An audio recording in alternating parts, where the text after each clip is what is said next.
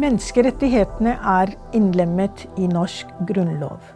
Likevel fører utviklingen i utlendingsloven og innvandringspolitikk at mange med minoritetsbakgrunn har vanskelighet for å oppnå fulle rettigheter. I en podkastserie på fire episoder skal vi sette søkelyset på konsekvensene av innstramninger og truede rettigheter. Serien er basert på Mirasenterets publikasjon 'Velferdsstatens skyggesider rettighetstap for minoriteter'. Jeg er Fakhra Salimi, og med meg så har jeg Asla Maria Bø Fuglestad, som er medforfatter av boka. Eh, også rådgiver, faglig rådgiver ved MIRA-senteret. Så har vi Anne Berit Sødal, som er eh, administrasjonsleder, men også fagperson på eh, minoritetsrettigheter, særlig når det gjelder velferdsstatens skyggesider, og jobber daglig med kvinner. Dagens tema er loven om statsborgerskap, innstramninger i det. Også eh, innstramninger for å få permanent opphold i Norge. Begge disse tingene henger jo sammen. Men spørsmålet er er disse innstramninger eller endringer eh, integreringsfremmende? Eh, det er jo det som er målet med de. Eh, men man kan spørre seg om det er eh, den faktiske effekten. Men når du sier målet med de, er det mål som er politikerne har satt? Det, ja, det er det som er begrunnelsen for uh, disse nye kravene som er blitt skjerpet. At det skal fremme integrering. Uh, få flere ut i arbeid osv. Uh, kan vi snakke kanskje litt om uh, hva er disse innstrammingene? Kravene? Ja. Det er jo mange krav, eh, men noe av det som er nytt, er at det har kommet et inntektskrav. Altså For å få permanent opphold så er det ikke bare det at man skal ha bodd lenge i Norge osv., men man skal uh, ha en inntekt på uh, 260 000 ca. Uh, fra det siste året, og man kan ikke ha mottatt sosialhjelp for å få innvilget permanent opphold. Ehm, det kom i 2017, så det er jo ikke så lenge siden. Ehm, så er det noen unntaksregler hvis man har, går på voksenopplæring som er innvilget av Nav. Det er også blitt strengere ehm, hvem som kan få unntak. Men hovedregelen er altså dette kravet om inntekt. Og så er det også kommet Altså man har lenge hatt eh, plikt om å ta norskopplæringskurs og kurs i samfunnsfag. Men så har det blitt endret til at det er krav om å bestå test i norsk. Eh, og til permanent opphold så er det et liksom A1-nivå. Eh, men nytt av i år, det skal bli innført i løpet av høsten, at det kommer et nytt krav for å få statsborgerskap. At man skal ha Høsten 2022? Ja. Det er vedtatt allerede, men det innføres i løpet av høsten 2022 at man skal få, må ha B1-nivå, som det heter, som er ganske høyt nivå. Det er faktisk samme som eh, man vurderer liksom norsknivå tiendeklassinger har på vanlig norsk skole, er kravet for å få innvilget statsborgerskap. Um, og der er det også kommet inn nylig noen sånne inntektsregler om at man må, har man tilstrekkelig inntekt, som det heter, så får man kortere botidskrav før man kan få statsborgerskap. Så Det er disse reglene vi, vi prater om, da. Mm. Mm. Og så, så, disse reglene eh, Det er jo ganske eh, strenge regler. Eh, og hvordan kan de være integreringsfremmende? Ja, eh, det er jo spesielt det når man ser både på eh, inntektskravet, og så nå da i tillegg har fått språkkrav. Eh, så sier man jo i altså politikken så sier man jo det at jo, men for å få en jobb, så må man jo kunne snakke bra no nok norsk. Eh, men så er det ikke en direkte sammenheng med å kunne snakke godt norsk og være integrert. Det er, altså, det er ikke noe automatikk i det. Og vi kjenner jo veldig mange kvinner som ikke ville kunne nå de språkkravene. Men de er en veldig viktig ressurs likevel i mange, mange områder i samfunnet, men også har en jobb. Eh, og, og, da er det snakk om eh, hvordan man ønsker Altså, hva ønsker vi i Norge? Ønsker vi at mennesker skal engasjere seg og få muligheter til å utdanne seg og utvikle sine ressurser? Eller ønsker vi eh, å stille så høye krav eh, at man mister eh, motivasjonen for å prøve? Og det er jo veldig alvorlig det at man hele tiden skal på en måte stille de høye kravene, da. Ja, og så er det jo Altså, det man vet, er jo at det er, det er viktig å lære språket. Eh, og at det er viktig med god norskopplæringskurs. Eh, men det betyr ikke at det er nødvendig å ha disse testene som sånn eksamenskrav. Eh, og når man har nå med denne siste kravet som har kommet til norsk nivå for å få statsborgerskap, så legitimerte man det med at man skulle gjøre en større, endring og forbedring av introduksjonsprogrammet og norskopplæringen. Jeg vil gjerne fokusere litt på introduksjonsprogrammet, fordi øh, det har jo kommet noen evalueringer, og man vet hvordan den, det programmet har eh, fungert. For norsk opplæring skjer jo også gjennom det. Mm. Kan dere si noe om det? Altså det er jo eh, Noe av det som man så var et problem, da, var at det var så store forskjeller i kvalitet rundt om i landet. Eh, og det er klart at det er en utfordring når folk kommer med veldig ulikt nivå og sånn. Eh, så det var et problem. Eh, og derfor så var det noe av det som man gjorde nå, da, var at man skulle lage noen mer sånne standardbolker som Det ble mer sånn standardisert innhold i introduksjonsprogrammene rundt om i landet, da, som det var tydelig behov for. Eh, og noe sånne nye krav til kvalifikasjonskrav. Fordi at det også er mange som underviste som ikke hadde gode ja, kvalifikasjoner. Akkurat det du sier der, er jo et, altså det her er jo veldig uh, nye ting. ikke sant? integreringsloven er jo ny, så det har ikke kommet sånn veldig mye forskning på hvordan den fungerer. Men en av de tingene Det kom en rapport uh, i år fra Fafo. Har jo sett akkurat på det der med å individualisere opp, opplæringa, og hvordan det fungerer. Eh, og da ser man sammenhengen med at eh, Norge samtidig strammer inn, sånn at det er veldig få som eh, går igjennom løpet. Noe av det grepet som man har gjort med nå denne nye integreringsloven og nye opplegget for introduksjonsprogrammet, er at som du sier, det skal tilpasses lengden, f.eks. Hvor lenge man kan gå der, avhenger av eh, din utdanningsbakgrunn fra før. Og det høres jo bra ut. De som har lite utdanning, skal få gå lengre. Og de som har mye, eh, skal få gå kortere. Men i realiteten så er eh, F.eks. så fører det til at de som har videregående fra hjemlandet sitt, eh, de regnes da som på en måte høyt kvalifiserte. Og da får de mye mindre tid på programmet enn det man fikk før. Så nå er det bare sånn et halvt år man får på introduksjonsprogram, de som har videregående fra hjemlandet sitt. Og det å lære et nytt språk, selv om man har videregående utdanning, er jo kjempekrevende. Man har forskjellige forutsetninger for det.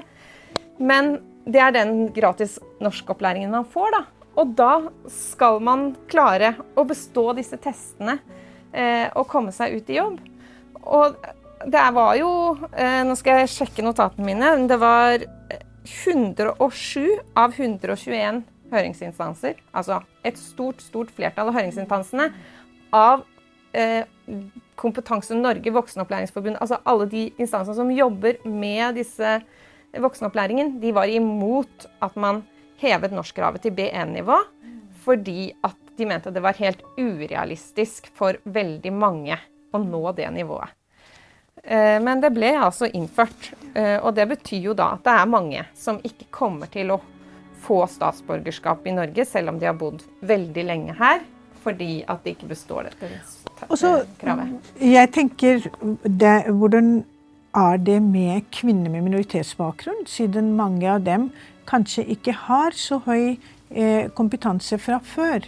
Og de må bygge helt fra scratch i, i, Norge. Ja, og det er jo akkurat den gruppen også de hørings... Altså alle peker på at her eh, legger vi opp til eh, et lovverk som gjør det aller vanskeligst for de, de gruppene i samfunnet som allerede har veldig vanskeligheter med å få, få jobb.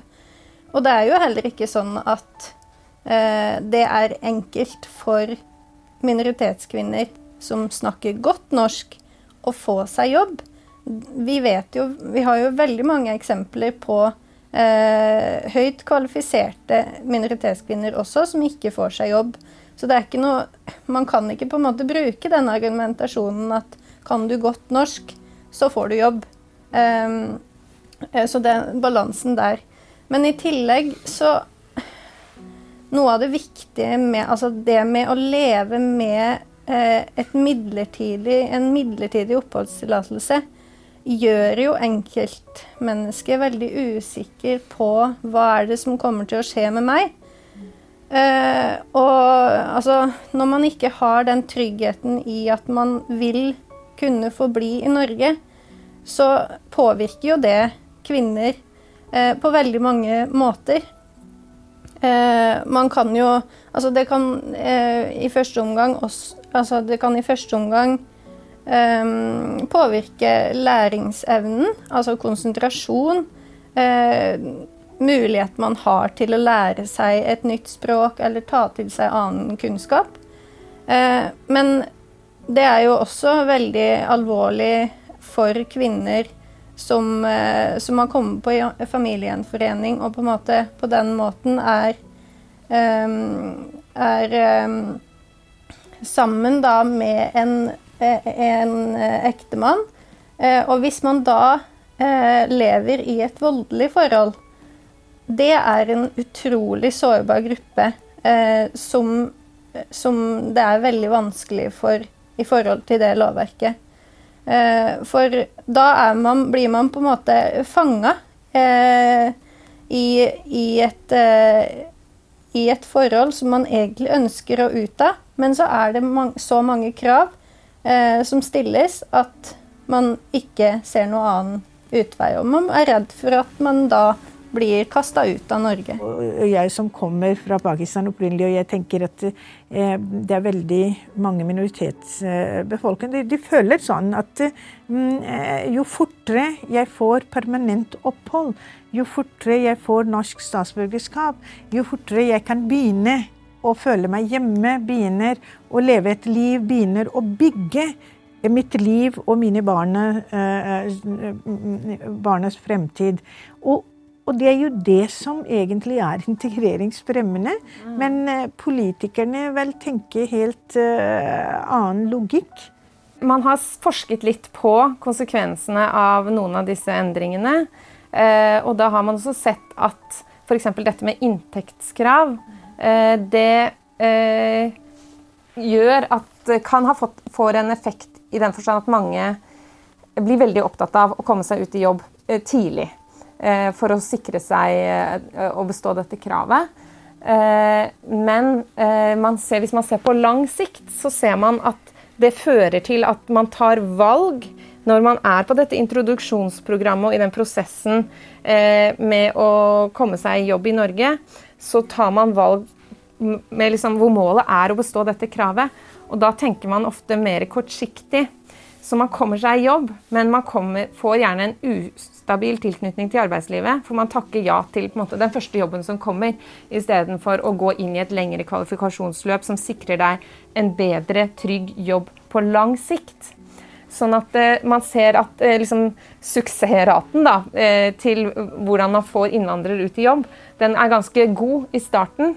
Kommer mange ut i jobb, men så flater det ut, og så faller det faktisk etter en ti års tid. Fordi at da, Hvis man har gått inn i sånne jobber som er harde, tunge, men kanskje lettere å få, så, så, fører det til at en del faller av og kanskje blir uføre på lang sikt. da.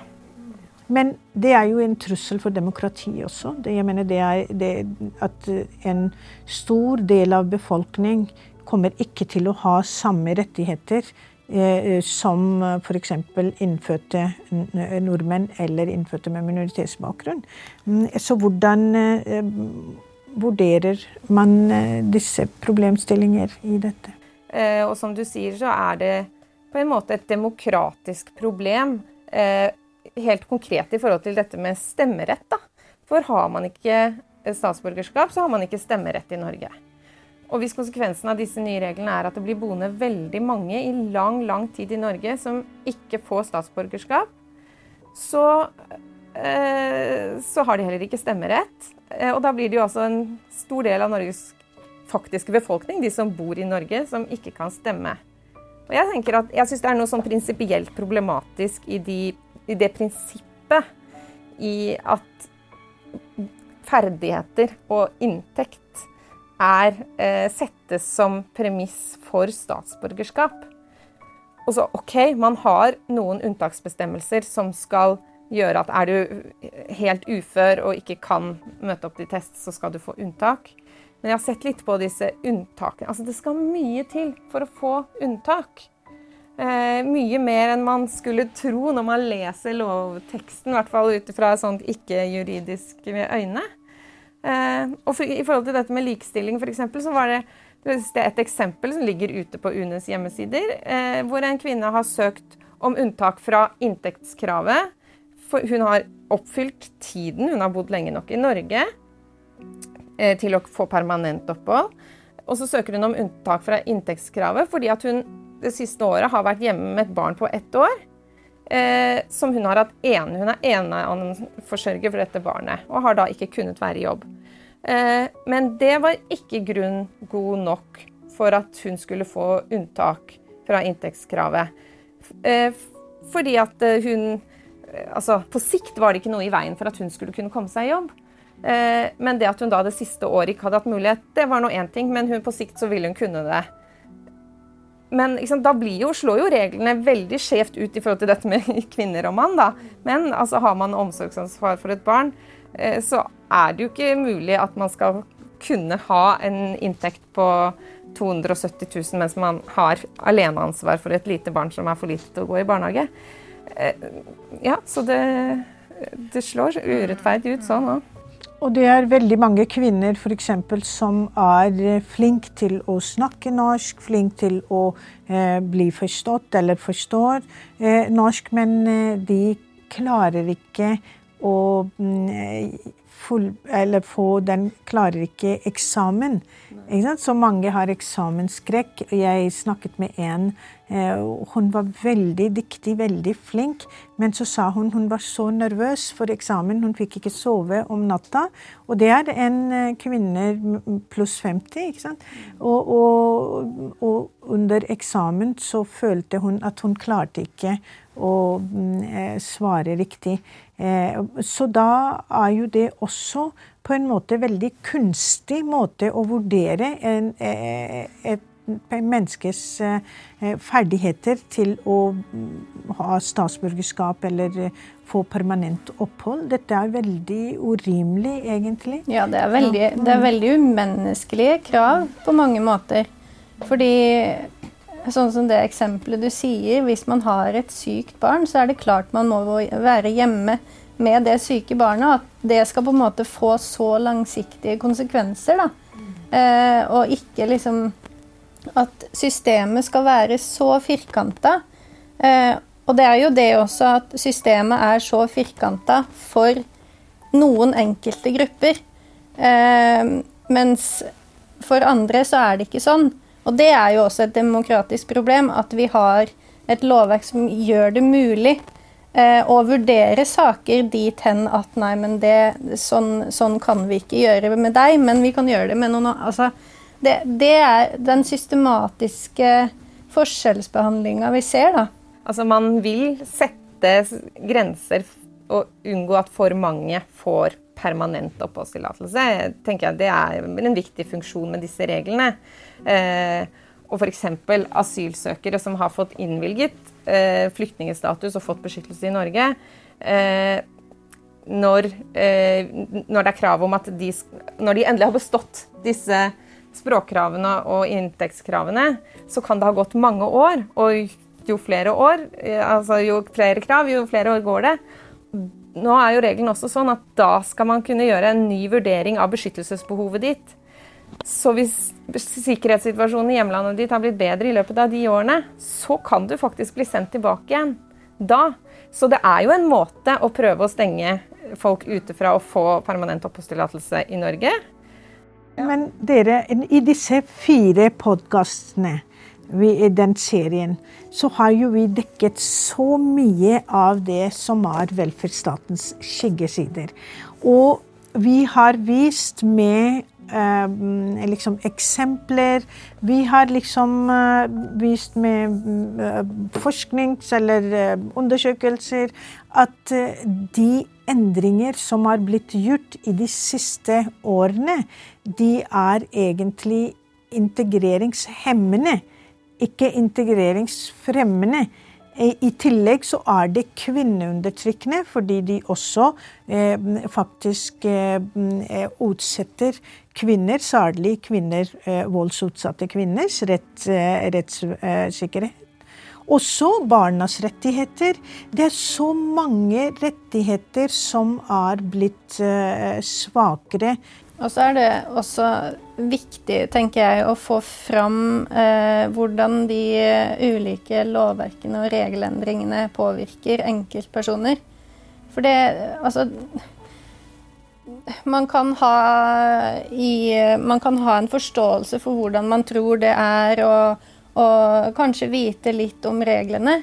Men eh, får man fram de kontrastene i hvordan Eh, det samme reglene påvirker ulike mennesker, så tenker jeg at man, at man kan skape mye eh, interesse, kanskje, og få mange med seg, da. Så det tenker jeg Det å spille litt på de eh, konsekvensene det har, men også vise veldig sånn konkret hvilke dilemmaer enkeltmennesker blir stående i. Og hvilke vanskelige livssituasjoner da man havner i pga. de reglene. Og så tenker jeg bare sånn vill tanke mens jeg hørte på dere, at vi må uh, lage en sånn kursserie uh, med eksamen, plikt til eksamen, til alle politikere, hvor uh, denne boka har, og mange andre publikasjoner, skal være pensum. Og så skal de bestå eksamen mot slutten av de kursene for å være politiker. Er ikke det en Fordi når, når, de stiller så mange krav, og det er så mange eksamener og plikt og eh, eh, eh, alle disse tingene, så de lager disse regler for andre mennesker uten å vite at, hvilke konsekvenser det har for individet. Så er jo det eh, bra at de skal kjenne på selv at er de kvalifisert til å være politiker nå, eller ikke. Ikke sant? Mm. Er det noen eh, spesielle ting i disse eh, kravene når det gjelder permanent opphold og eh, mm, eh, statsborgerskap som vi må spesielt fokusere på?